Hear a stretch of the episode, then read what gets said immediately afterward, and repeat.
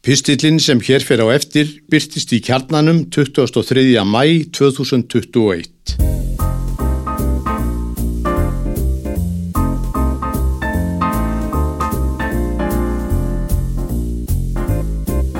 Hótelið á Hafsbótni Ef Eiríki Fjallar hefði verið sagt að á Hafsbótni í Kattegat lægi steinstift flikki sem átti að vera heil hótelhæð hefðan líklega spurt hvort þetta væri ekki bara skrökulíi og hann væri líklega ekki einn um þá skoðun. Danmörk er lítið land aðeins um 40.000 ferkilometrar. Lögun landsins veldur því hins vegar að strandlengjan er laung, rúmlega 7.000 kilometrar. Til samanburða má nefna að þótt Ísland sé miklu starra, 104.000 ferkilometrar, er strandlengjan stittri en svo danska eða rétt um 6.000 kilometrar. Á hafsbóttinum úti fyrir ströndum Danmerkur leynist margt. Kavarar kalla það gósenland.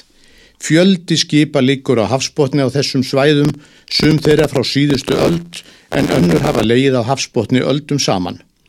Vitað er hvar mörg þessara skipa líkja en önnur, engum frá fyrri öldum, hefur ekki tekist að finna. Hösti 2018 greindu danskir fjölmiðlar og margir aðrir frá merkum fordleifafundi. Þá hafði hópi kafara tekist að finna skipsflagg sem þeir hafðu leitað um ára bíl. Þessi merkifundur var danska herskipið Prins Fridrik.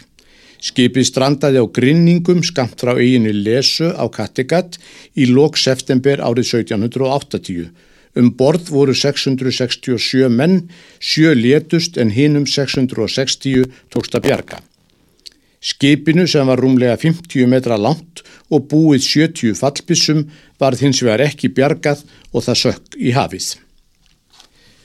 Forsvarsmaður Hópsins sem fann flakið sagði í viðtali að þeir hefðu kafað að minnst ákosti 200 sinnum áður en flakið fannst.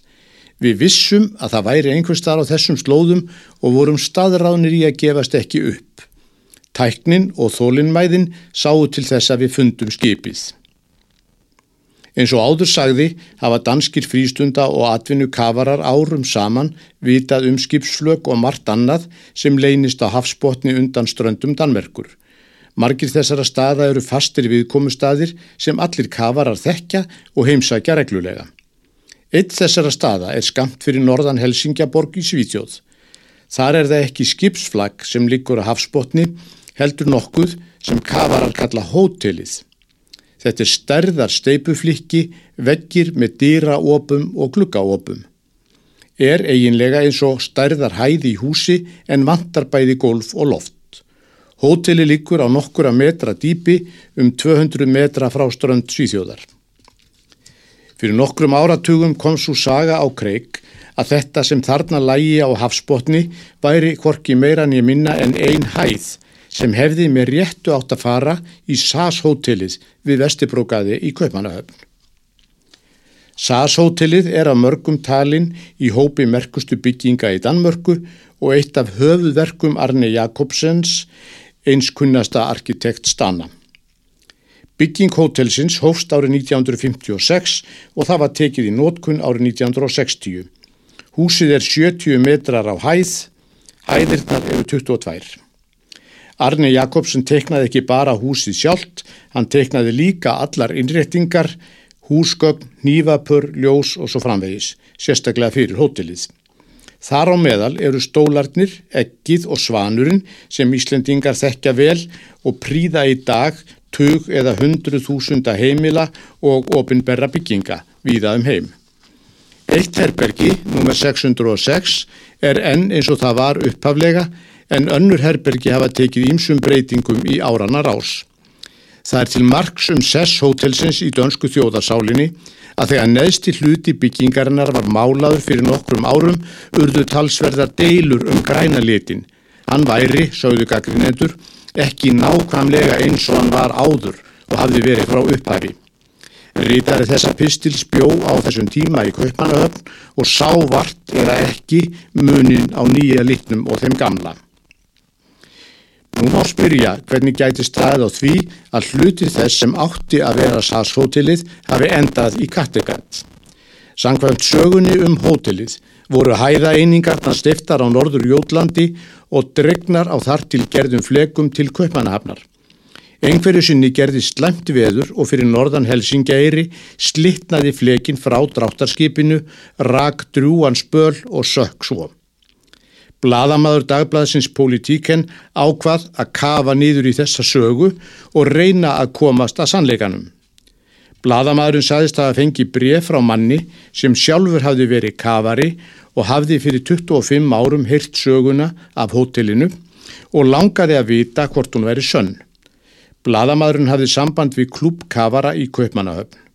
Þar kannaði sá sem var fyrir svörum ekki við söguna um hótelið en benti blaðamanninum á tiltekna heimasíðu vraggæten.dk þar sem hann gæti leitað og viti menn, þar er sagt frá hótelinu.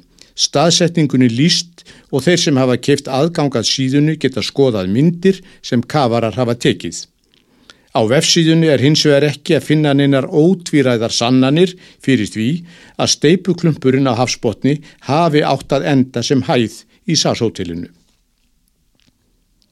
Blaðabarinn hafði samband við marga sem hann taldi að getu kannast við söguna og kannski staðfest að hann væri sönn.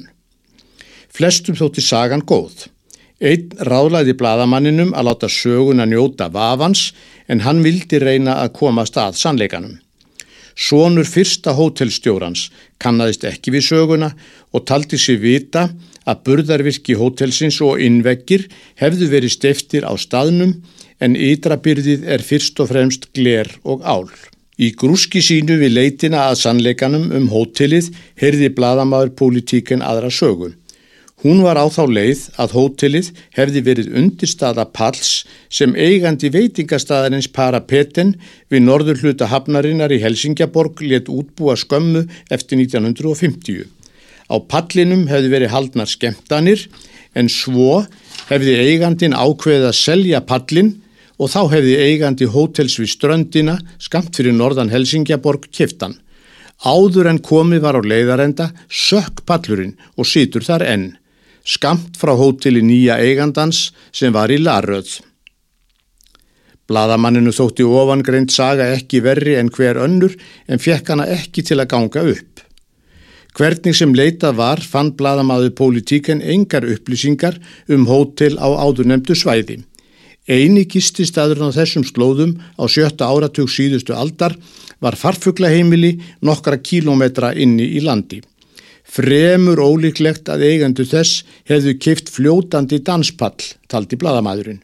Einn viðmælenda taldi sig hafa lesið um nýtt aðsetur danspallsins í Helsingborg dagblað en þá umfjöllun gatt bladamæðurinn ekki fundið þrátt fyrir mikla leitt. Bladamæður politíken endar umfjöllun sína á því að segja að sér hafi ekki tekist að upplýsa sannleikan um hótelið Hann viti einfallega ekki hvort hótelið hafi í raun átt að vera hluti SAS hótelsins í Kaupmannahöfn eða hvort það hafi verið danspallur við Helsingjaborg. Blaðabæðurinn endar á því að byggja þá lesendur sem kunni að vita eitthvað um málið að hafa samband við sig. Eirikur Fjallar hefði líklega sógið upp í nefið eftir að hafa heyrt þessar tvær sögur og fullirt að báðar væru skrökulígi.